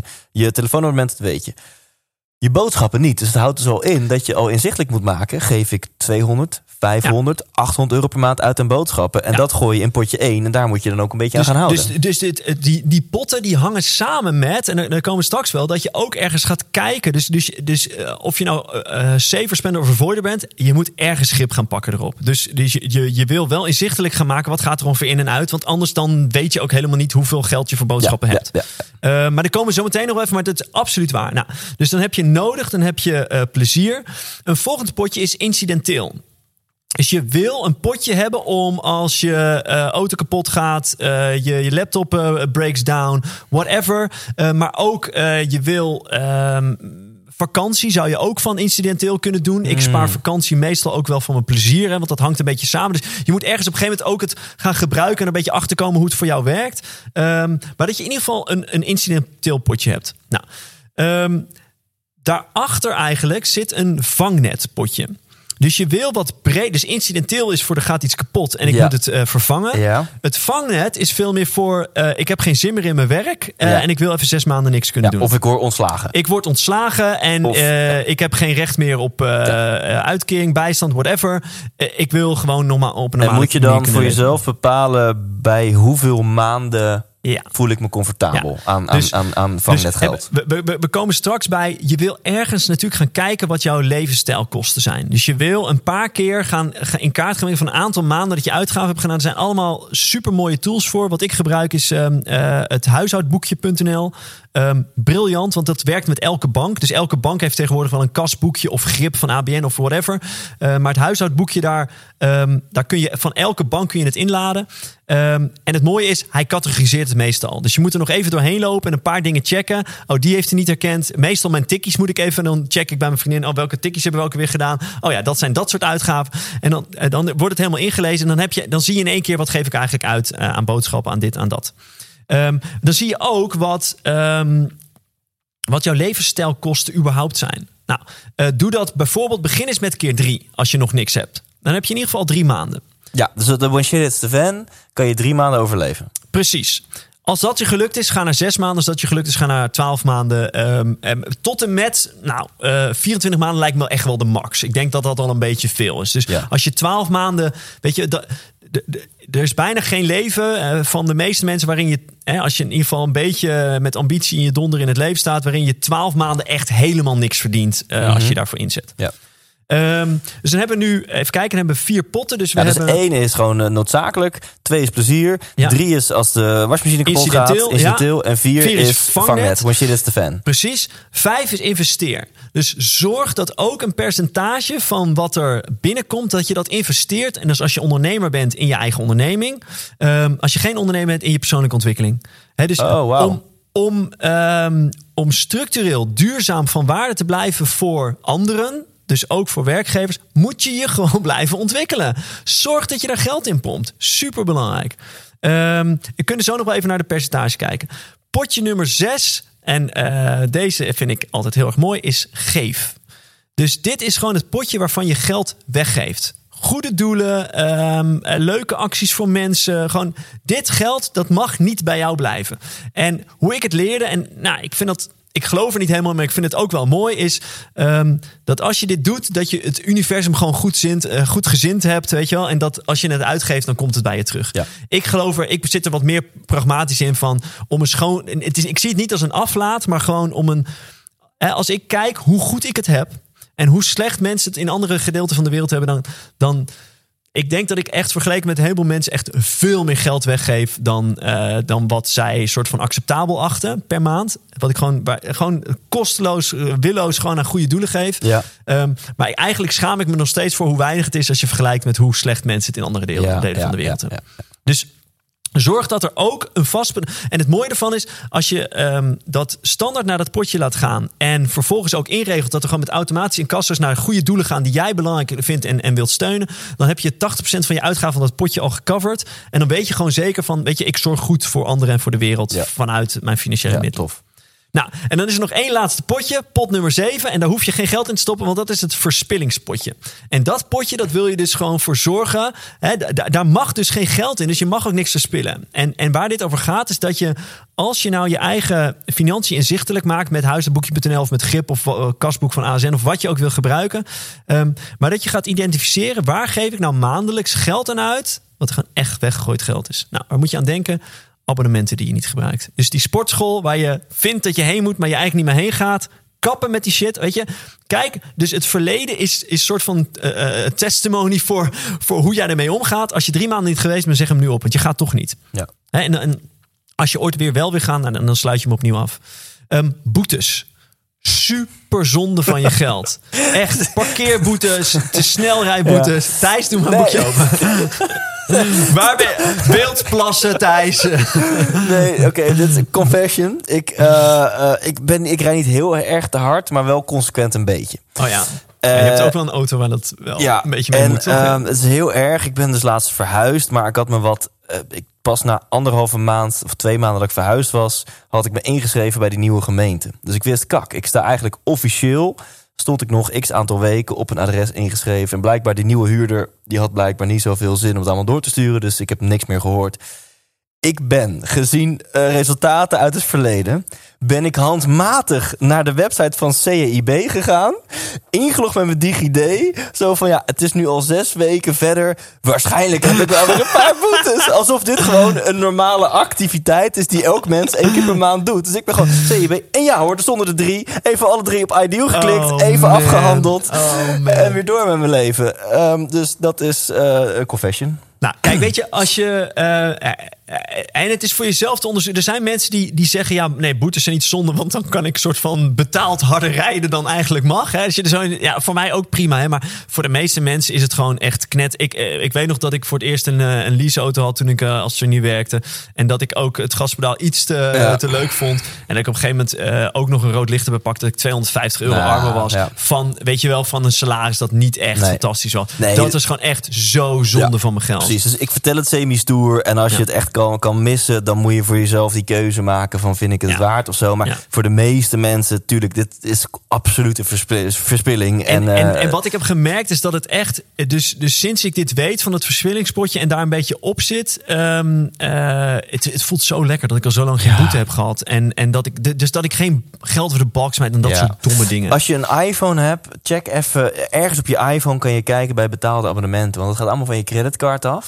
Ja, En echt, ik heb dat laatst gedaan. Ik heb voor 100 dollar per maand aan shit gecanceld. Waarbij ik blijkbaar een keer op subscription had Ja. geklikt. En met mijn Face ID niet wetende dat het een maandabonnement was. Of dat het na drie dagen proef verlengd werd Ja. of zo. Dus ik heb Ja. gewoon 100 dollar per maand bespaard. Door even daar ergens in de, in de diepe krochten van mijn iPhone, van mijn iTunes te kijken. echt super zonde. En, eh, en, en er zijn, en jij bent een voordeel, dus heel typisch voor jou dat dit gebeurt. Er zijn een heleboel andere voorders die precies hetzelfde hebben. Die, Ja. en, en die nu denken, nou, ik denk dat het bij mij allemaal niet is. Als, die ervoor, als je nu luistert, zoek het uit. En je, je schrikt je rot wat je per maand eh, een soort van, ja, gewoon door de play spoelt. Je geeft Ja. het uit terwijl je er niks Ja, aan hebt. ja, ja. Nou, en, en een laatste van, van ehm, een voorbeeld van, eh, van verspilling is te, te veel betalen voor dingen. Ook super zonde. Dus ehm, eh, ik had een cliënte en ehm, eh, zij had een boekhouder en ze betaalde iets van eh 400 euro per maand of zo aan die boekhouder.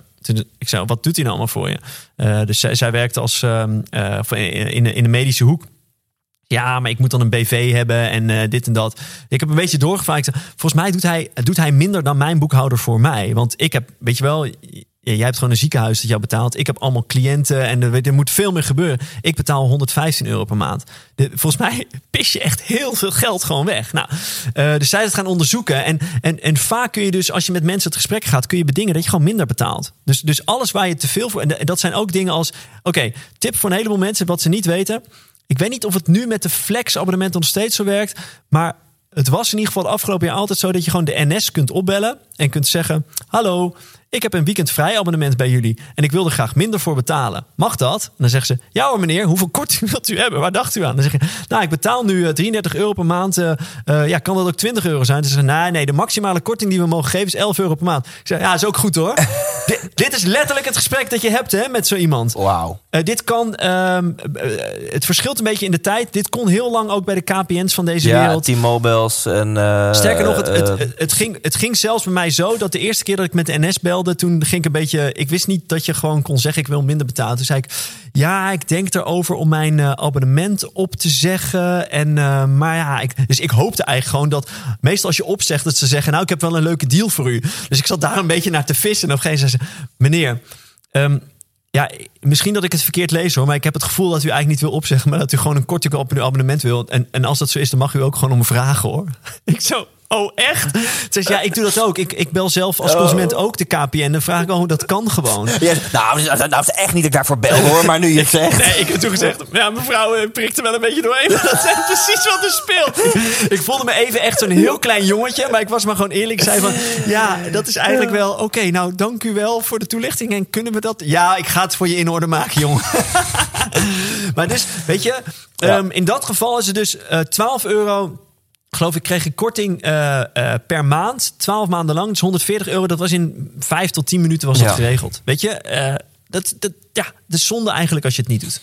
Dus Awesome. Maar dat zevende potje verspilling, dat is, want die eerste zes potjes zijn denk ik echt zorgen ervoor dat dat, Dat fysieke echt- losse precies. bankrekeningen zijn. Nou, eh, elk dat verschilt. Ja, maar dat is wel een goede dat je nog kan je het gewoon categoriseren, toch? Ja, Wat, de, dus wa- wat je in ieder geval wilt doen, is dat ehm, eh, bijvoorbeeld hè, ehm, een nodig en plezier, dat moeten echt fysiek andere lopende rekeningen zijn, omdat dingen zijn waar je gewoon automatisch van betaalt. Dus ik kan. Eh, ik weet niet, eh, ik ga het jou even laten zien. En, eh, ik heb ook een, een, een portemonnee vol met bankpassen van verschillende banken. Dus ik heb een Triodos bank, ik heb een pas, ik heb een ABN-pas, ik heb een AZN-pas. Ik heb hier nog ergens een KNAP-pas. Maar je kan ook gewoon bij één bank verschillende potjes doen, toch? Ja, alleen het lastige is dat je dan eh, eh, allemaal dezelfde eh, bankpassen hebt en vaak toch nog per rekening betaalt. En dan kun je net zo goed bij verschillende banken zitten. Ik heb dit ooit, eigenlijk was mijn plan, ik ga gewoon banken uitproberen en de meest chille bank, daar blijf ik bij. Maar dit bevalt me nu eigenlijk wel heel Ah, goed, oké. omdat ik direct aan het uiterlijk van de pas zie. Dus dit is zakelijk, dit is ehm, eh, plezier, dit is scheef en dit is nodig. Dus ik weet direct in de winkel, ik, ik, ik haal mijn pas tevoorschijn en ik weet met welke ik wat moet ja, betalen. cool, cool. Dus voor mij werkt dit heel goed om, om mijn potjes Ja, gewoon ja, goed te beheren. Ja. Ehm, dat hoeft niet met alles, want ehm, iets als incidenteel en vangnet, ehm, weet je, dat, eh, maar, maar ook eh, investeer, dat kunnen gewoon eh, spaarrekeningen zijn waar je het naartoe stuurt precies, en waar je het van afhaalt zodra je het een keer nodig hebt. Ja, ja, helder. Oké, Dus dat is zorgeloos geldbeheer. En, en dus, dus het, zijn, het, is, het is in die potjes gooien. En dus ook aan het eind van de maand steeds even kijken hoe staat het ervoor. En, voor, en, en nu komt een hele cruciale les. Die potten zijn er om eh, voor, de, voor de spenders dat als een potje leeg is, is een potje leeg. Ehm, voor de savers, het potje moet leeg aan het einde van de maand. Dus op nodig na, hè, maar plezier, geef, moeten leeg. ja. Want dat is nou precies wat, wat eh, savers moeilijk vinden. Die Ja. durven zichzelf niet te verwennen, dus dat potje moet leeg. En, en in principe spaar je vooral in potje 4. Dat is vooral waar geld oppot. Of, Eh, ja, nou, ehm, ja, dus, dus het zit nog wat gecompliceerder in elkaar. Want we hebben percentages die we voorstellen over Oké, hoe je het ja. wordt te verdelen. En, en er is iets met, met incidenteel en eh, vangnet. Die hebben een wisselwerking. Als de een vol is, dan ga je de ander vullen. Dus het is nog wat uitgebreider dan dit. Maar dit is even op, op Ja, hoofdlijnen. Maar dat is denk ik een mooi linkje, want in jouw online cursus. Hoe neem je mensen in die cursus mee? Eh, die cursus heet dus Bekostig je ideale levensstijl. Ja. We begonnen dit interview Ja. met de mooie kant van je mag dromen. En daarna gingen we het interview in op wat je er ook voor moet doen. Maar goed, in die online cursus, op welke manier neem je mensen bij hun handje, eh, bij, bij hun hand om ze hierbij te begeleiden? Ja, nou, eh, op, een, op een heleboel manieren. Dus, dus wat, wat ik zo tof vind aan online courses is dat je eigenlijk alle modaliteiten die er zijn, die kun je optimaal inzetten. Dus je kunt met video werken, je kunt met tekst werken, je kunt met audio werken. Er zitten geleide, eh, geleide visualisatiemeditaties in om, om, je, hè, eh, om, om antwoorden over jouw ideale leefstijl omhoog te halen. Om jou in een staat te brengen waarin je associatief het diepst liggende antwoord geeft op mijn, eh, mijn overtuiging over geld of rijke mensen zijn. Nou, dat soort dingen. Ehm, eh, externe video's van eh, TED Talks die wij inspirerend vinden. Maar ook Excel templates om gewoon shit uit te werken, op een rijtje te zetten. Eh, dus dat is zeg maar een beetje de vorm. En ehm, hoe we mensen voor de rest aan de hand nemen is dat we eigenlijk en dus wat ik nog niet genoemd heb, is um, uh, een belangrijke gedachte erachter. Het, het, eigenlijk gaat het natuurlijk over financiële vrijheid, deze. Ja. He, dus, dus wat kun je doen om financieel vrijer te worden? Dus je bent, uh, wat we ook uitleggen, je bent financieel helemaal vrij. Echt helemaal vrij als jouw levensstijlkosten, waar ik het over gehad heb, waar je dus een beetje een idee van moet gaan krijgen, als die gelijk zijn aan je passieve inkomen. Ja. Nou, wat is passief inkomen? Dat is alles waar je, uh, wat je binnenkrijgt, waar je geen tijd aan uit heb gegeven. Ja. Dus als ik, een, uh, als ik uh, voor een groep mensen sta te trainen, dan stop ik daar uren tijd in en daar krijg ik geld voor. Als ik één op één met iemand coach, dan heb ik gewoon letterlijk een uurtarief en daar betaalt iemand me voor. Maar als iemand mijn boek koopt, als iemand mijn online course koopt, dan kopen ze mijn kennis en niet mijn tijd. Ja. En dan en voor duidelijkheid, tuurlijk, er heeft wel oorspronkelijk tijd, energie en geld heeft, in gezeten. Er is, dus een eenmalige investering in, in tijd en energie die je erin doet. Maar vanaf dat is de marginale kosten voor een extra sale is nul. Ja. Dus iedereen kan nu mijn courses, ik heb meerdere courses, iedereen kan die volgen en heeft daar direct heel veel waarde van. En ik hou er ook waarde aan over, want je betaalt mij ervoor. Ja. Met mijn boek, met royalties hetzelfde. Ja, dus, um, dus, dus we willen ook dat mensen wat meer gaan denken vanuit uh, levensstijlkosten drukken. En echt niet tot een niveau, hè, gewoon, gewoon de, dus de onnodige shit eruit. Uh, je hoeft echt niet zuinig te gaan leven, maar gewoon iets bewuster te gaan leven. Om ondertussen ook te gaan kijken naar je verdienmogelijkheden en ook wat meer aan de passieve kant. Dus wat kun jij nou doen? Dus, dus ik zit er wat meer vanuit het ondernemen in, met het schrijven van boeken en het uh, maken van courses. Hugo die zit er echt in vanuit het, uh, vanuit het beleggen. Dus die vanuit het investeren in, in aandelen en dergelijke. Uh, en dat zijn ook twee, twee, eigenlijk twee richtingen die we verkennen van zo zou je het aan kunnen pakken. Ja, dus er zit natuurlijk nog heel veel in wat we nu nog lang niet besproken hebben. Uiteraard. En uiteraard. Echt, dit, dit is eigenlijk de, de ja, goudmijn, misschien een verkeerd woord, maar de. de de magic gebeurt hem echt als het je lukt om jouw ideale levensstijl op een passieve manier te kunnen gaan bekostigen. Precies. Ja. En, en, en er zijn wel eens mensen die zeggen: ja, maar dat. Um, stel dat ik gewoon mijn ideale leven al leef en ik krijg het voor betaald, dan is het toch ook goed genoeg. Dus een voorbeeld dat wel wordt gegeven um, is van de skileraar. Ja, die, maar, maar, dat is toch vet, weet je? Ik ben skileraar. Ik ski de hele dag. Ik help mensen er een beetje bij. Dat fucking vet. En ik krijg het voor betaald en ik kan daar precies van leven. Dat is toch mooi? Ja, totdat je dat vier seizoenen gedaan hebt en ja. de sleur er een beetje in begint te komen. En als je dan um, geen. Hè, dus het, het, het, is niet per se dat. Ik denk dat passief inkomen echt wel een heel belangrijke rol kan spelen, maar op zijn minst een flinke buffer. Ja. Je wil de keuzevrijheid hebben om te zeggen: Oké, okay, ik stop nu met skileraar zijn en ik ga iets anders doen. Want er, het, mijn, mijn inkomensstroom stopt niet als ik stop met werken, want er komt op andere manieren ook wat ja. binnen. Of ik heb een dusdanig grote buffer opgebouwd dat ik een tijdje even niks kan Ja. doen en kan onderzoeken wat ik nu wel wil gaan Ja. doen. Nou, en als je mede door de visualisaties in jouw cursus gewoon een gezonde mindset hebt straks richting geld en richting rijke mensen, dan wil je dat dus ook. Eh, onderzoek heeft aangetoond dat eh, miljonairs hebben gemiddeld, geloof ik, drie of vier inkomstenstromen. Um, dus wat wil ik hiermee zeggen? Misschien gaat het je niet lukken om als jouw uh, levensstijl 3000 euro per maand kost, misschien gaat het je niet lukken om 3000 euro per maand aan passief inkomen te genereren naast je werk als ondernemer of je werk in loondienst.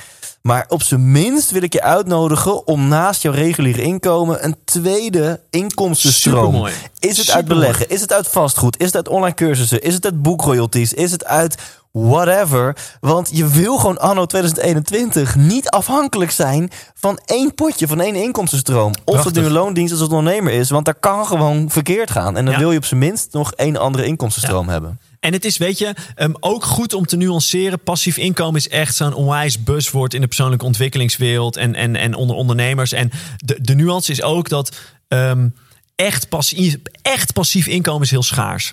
Want weet je, als je in mijn course terechtkomt, ik zit de hele fucking tijd mee te lezen met de comments die je plaatst. Ik zit erop te reageren, want ik vind het leuk. Maar ik vind het ook belangrijk om je goed te servicen als je in mijn, in mijn leeromgeving zit. Ja. Um, weet je, mijn- mijn boeken, de royalties die eruit komen. Ja, weet je, daar moet ik ook wel eens uh, nog, nog wat extra's voor doen. En dat is zo weinig ten opzichte van de tijd die je erin stopt. Weet je wel, dus, dus echt passief inkomen.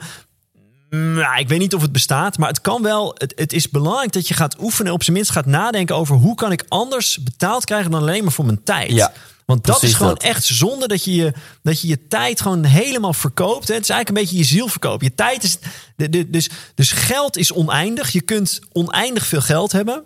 je, iedereen heeft maar 24 uur per dag. Precies. En, en, en dus je hebt ook maar een x aantal uren in je leven. Want je kunt niet oneindig oud worden. In ieder geval vooralsnog niet. Dus het is super zonde als je daarvan te veel verkoopt gedurende je leven. En, en, en ja, het is niet je ideale leven ergens.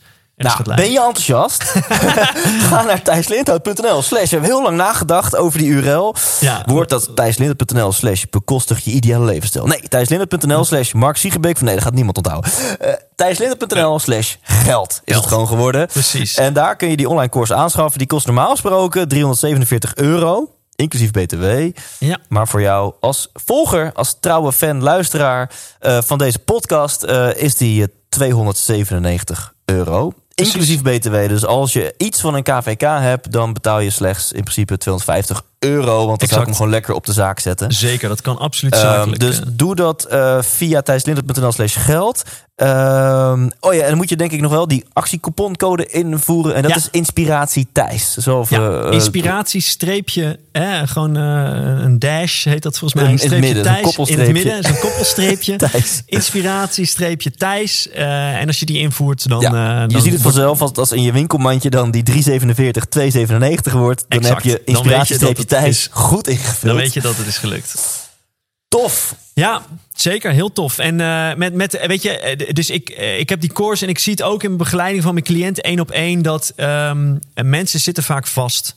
Dus eh, mensen komen bij mij omdat ze eh, vooruit willen in het leven, dat ze een doel willen, dat ze een andere baan willen. En ehm, ja, het is gewoon zo zonde om soms te merken dat geld dan de beperkende factor is. Ja. Dus super fijn om Ja. daar met mensen mee te werken en dan even door die beperkende overtuigingen heen te, te werken. Om, om, eh, dus ik had een cliënt die echt zei: het is, het is zo lekker. Zij is ook mijn course naast de coaching gevolgd. Zei: Het is zo lekker dat ik eindelijk grip heb op geld. Dus ik, heb, ik heb een aantal mensen gehad die pas hun baan konden opzeggen. nadat ze hun shit in kaart hadden gebracht en, en daarmee bezig waren geweest. Ja, en jij stelde aan het begin van deze podcast de vraag, of je deelde dat je vaak die vraag stelt aan mensen van hoe ziet jouw ideale levensstijl eruit? En dat mensen vaak dingen noemen die geen geld kosten. Ja, Ik weet dat onze vriend Ilke de Boer, die stelt vaak de vraag aan, hun, aan zijn eh, mensen in zijn cursussen. Wat is nog een doel of droom wat je hebt? Iets andere vraag. En hij zegt juist, wat blijkt? Open vraag, hè? Gewoon geen framing. hey Mark, wat is nog een doel of droom wat je hebt? Hij zegt 90 plus, vaak 98 procent van doelen en dromen die mensen noemen, zijn simpelweg te realiseren met geld. En dan kunnen we heel Hollands gaan lopen doen. Maar vraag aan 100 mensen: wat is nog iets wat je absoluut wil beleven, meemaken, ervaren in je leven? En 98 van de 100 komen met een antwoord wat gewoon te realiseren is Mooi. met geld. mooi. En ehm, nou, misschien is het leuk om dan aan het einde van dit interview ook gewoon transparant te zijn over dat bij zo'n eh, constructie als in deze podcast, Ja. dat er ook een percentage mijn kant Ja. op komt. Dus dit is voor mij. Dus, dus dat is het leuke hè, om, om, om, ja. mensen ook. Dus het is zo belangrijk dat je op die manier gaat, gaat leren denken. Dus dat, dat ehm, het neerzetten van een ehm, eh, zo'n snoepautomaat, dat is ook een soort van passie inkomen. Je zet dat ding één keer neer, je huurt een poppetje in die dat bijvult. Het is gewoon passief. Dat ding verkoopt het zelf. Weet je, je hoeft daar bijna niks aan te doen. Nou, een affiliate systeem, dat, dat werkt ook zo. Hè? Dus wij hebben een, een, een affiliate afspraak. eh, dat, dat als, als iemand die mij het koopt- Nederlandse woord is gewoon commissie. Ik krijg als het Oh ja, ware een, een stukje commissie. commissie. voor mensen Ja. die via deze podcast jouw cursus aanschaffen. Exact, exact. En, ehm, en, en ga daar dus ook zelf mee oefenen. Dus gewoon een partnerprogramma bij bol.com beginnen. Ja. Dus ik heb een partnerprogramma bij bol.com. Ik verdien daar denk ik 20 euro per maand aan of zo. Weet je, dat, dat is helemaal niks. Maar ik zit er elke dag te kijken. Het is gewoon super leuk. Het is gewoon leuk om te zien. Ha, ik heb 3 euro verdiend met niks. Ja, en, en waarschijnlijk op je eigen boek. Ja, ja, waarscheinlijk op mijn eigen boek. En som, maar soms kan ik ook zien dat iemand mijn boek heeft besteld. Ik kan best Oh, ja. wel soms zien wat er dan is gebeurd. Ja. Heeft mijn boek besteld en echt de meest weirde En een shit er dan- airfryer. Ja, dat, dat, soort dingen, ja. Maar dus superleuk. Dus ook affiliate, weet je, of, of dus commissiedingen. Ga er gewoon mee oefenen, ga ermee spelen. Ja. En, eh, en ja. ik, ik voel me vrij om daarop op in te gaan. Want deze podcast bestaat nu vijf jaar. Precies vandaag trouwens. In ieder geval, Ja. eergisteren is precies vijf jaar geleden de eerste episode online gekomen. Dat was een, een intro-episode, Thijs Only. En vandaag, 12 maart 2021, is precies vijf jaar geleden... zijn de eerste twee echte afleveringen online gekomen. Cool, met Remco supercool. Klaas en Angela Groothuizen. En het doel van deze podcast is nog steeds met name mijn zichtbaarheid. Is ironisch, hè? Een audio eh, medium Ja, ja. inzetten met als doel zichtbaarheid. Maar het is gelukt. Ik, ik verkoop mijn theatershows eh, eh, vaak uit. omdat mensen mij kennen van deze podcast. Ehm, maar het heeft de afgelopen vijf jaar immens veel tijd en ook gewoon heel veel geld gekost. Je Ja. zit hier in een studio, nou die is niet gratis, kan ik je vertellen. Ja.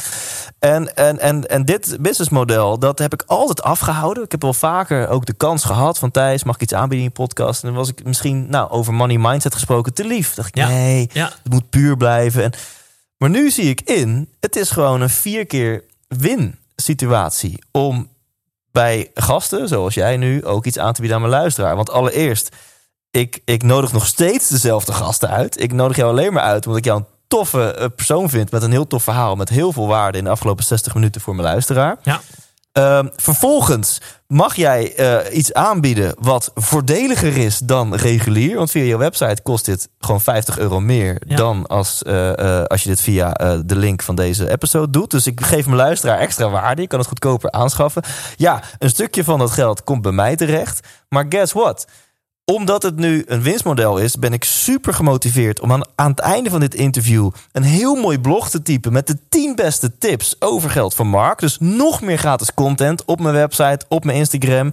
Eh, eh, ik, ik schrijf een hele waardevolle mailing naar de mensen die op mijn mailinglijst staan. Voor 98% van de mensen is dat weer nog meer gratis waarde, wat je gewoon voor niets in je inbox krijgt. Voor die 2% mensen die denken, ik vind het zo tof, ik schaf het product aan. Nou, is het nog fijner, want ik schaf een product aan waar ik heel erg achter sta. En waar ze waarschijnlijk knetterveel aan hebben. Dat Ja. merk ik ook steeds weer. Om nog maar te zwijgen over, omdat het nu wat geld oplevert, deze podcast, ga ik ook wat geld investeren in advertenties. Mooi. Wat wil ik? Ik wil impact maken. Waardoor dus eigenlijk, omdat ik nu, tussen aanhalingstekens, iets commerciëler ben met deze podcast, kan ik nog meer gratis waarde delen met nog meer mensen. Ja, nou, dus dat is gewoon een vier keer eh, win die ik eh, even wil delen. Ja, en dat is, weet je, en dus, dus dit hoort. eh, Dus als, het, als je nu zit te luisteren en het schuurt ergens, je denkt van ja, maar kan het wel? Maar, dus, dus dat heeft ook dan met je relatie met geld te maken. Dus onderzoek het. Van wat, wat, wat vind je daar dan lastig in? Dus als je nu gaat, gaat staan en als ik dan een podcast heb, oh, dat zou ik wel moeilijk vinden om dat dan te vercommercialiseren. Ja,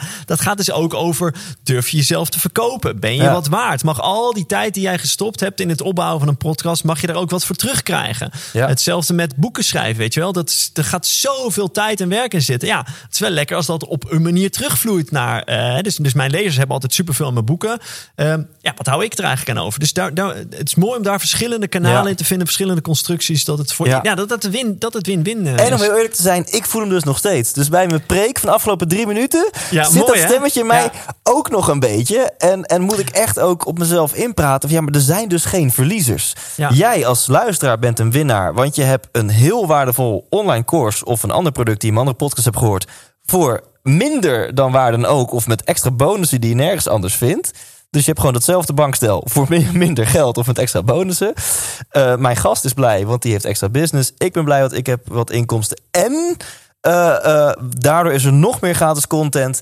En bereikt deze podcast nog meer mensen. Dus er is nergens een verliezer Ja. in, dit- in dit verhaal. Nou, en weet je, en, en, en want ik heb het ook, hè. Dus, dus ik, ik voel dan in mezelf ook die soort van de, de, een, een beetje schroom of een beetje de voorzichtigheid. En dat is natuurlijk omdat er. Er zijn natuurlijk ook wel mensen out there die, ehm, die wel misbruik maken van dit soort systemen. Dus er zijn mensen die, Ja. die wel rommel verkopen. Ja. eh, en allemaal mooie beloftes over doen en affiliates over optuigen. En, ehm, dus, dus dat maakt. de- de- maar dat is het lastige. Er zijn mensen die, die soort van de- een beetje de markt verpesten. En dat slaat dan. En Ja. dat heeft een weerslag, op- zijn weerslag op alles. Ehm, dus, dus ik denk dat daar ook wat zit. En dat, eh, nou, dat, het goed, dat het goed is om te onderscheiden wat wel werkt en wat niet werkt. En, ehm, eh, en dat, is, dat vond ik wel mooi wat ik, wat ik nog voor de uitzending tegen jou zei. Ik denk dus. Volgens mij hoe het vooral goed werkt is als je als bijvoorbeeld hè, in jouw geval als podcast host kijkt naar ehm, wie vind ik toch al toffe mensen die toch al bij mij komen en, en dan daar een verdienmodel aan hangt. En hoe het natuurlijk anders werkt is je op een gegeven moment gaat mensen uit gaat nodigen omdat je denkt daar lekker veel Ja. geld aan te kunnen verdienen. Ja. En, en, en wat je dan ook niet doorhebt is dat dat dan dus ook niet werkt. Precies. Want dan is je, weet je, je verhaal is niet meer authentiek. Precies. Eh, mensen gaan er niet meer op aan. Eh, weet je, het, het, het, it oozes out eh, everywhere dat, dat het alleen nog maar zo bedoeld is. Dus Tof. Ja. Nou, dus we gaan afronden, want we zijn veel te enthousiast wij met z'n tweeën. Als eh, eh, mensen dit tof vinden, kunnen ze dus gewoon nog steeds die online course eh bekostig je ideale levensstijl aanschaffen. En eh, ik weet dat jij, jij waarde biedt en dat die course er gewoon onwijs goed, eh, goed in elkaar zit en goed uitziet. Ik ren even naar de knoppen om de outro jingle in te starten. ja, Dan heb jij een momentje om even de camera te pakken en Ja. een laatste wijsheid te delen met de kijker voordat we gaan afsluiten. Oeh. Dus dit kan jij, Mark. Let's Ja, go. Oké. En dan, mo- moet ik dat nu meteen doen, eh, Thijs? Oké. Ehm, nou, mijn, mijn uh, hè, dus, dus ik, uh, uh, wat ik al zei is dat ik het lastig vind om zelf te investeren in mijn, in mijn ondernemerschap. Um, en ik weet ook heel veel mensen die het last vinden om te, te investeren in hun persoonlijke groei. Um, en ik weet dat Warren Buffett ooit heeft gezegd: the best investment can, can, you can do is in yourself. Dus uh, of het nou om deze koers gaat of om, om, eh, maar om iets anders. Als je wil blijven groeien in het leven, durf er ook soms gewoon geld tegenaan te gooien. En dit zeg ik dus net zo hard tegen mezelf als tegen jullie.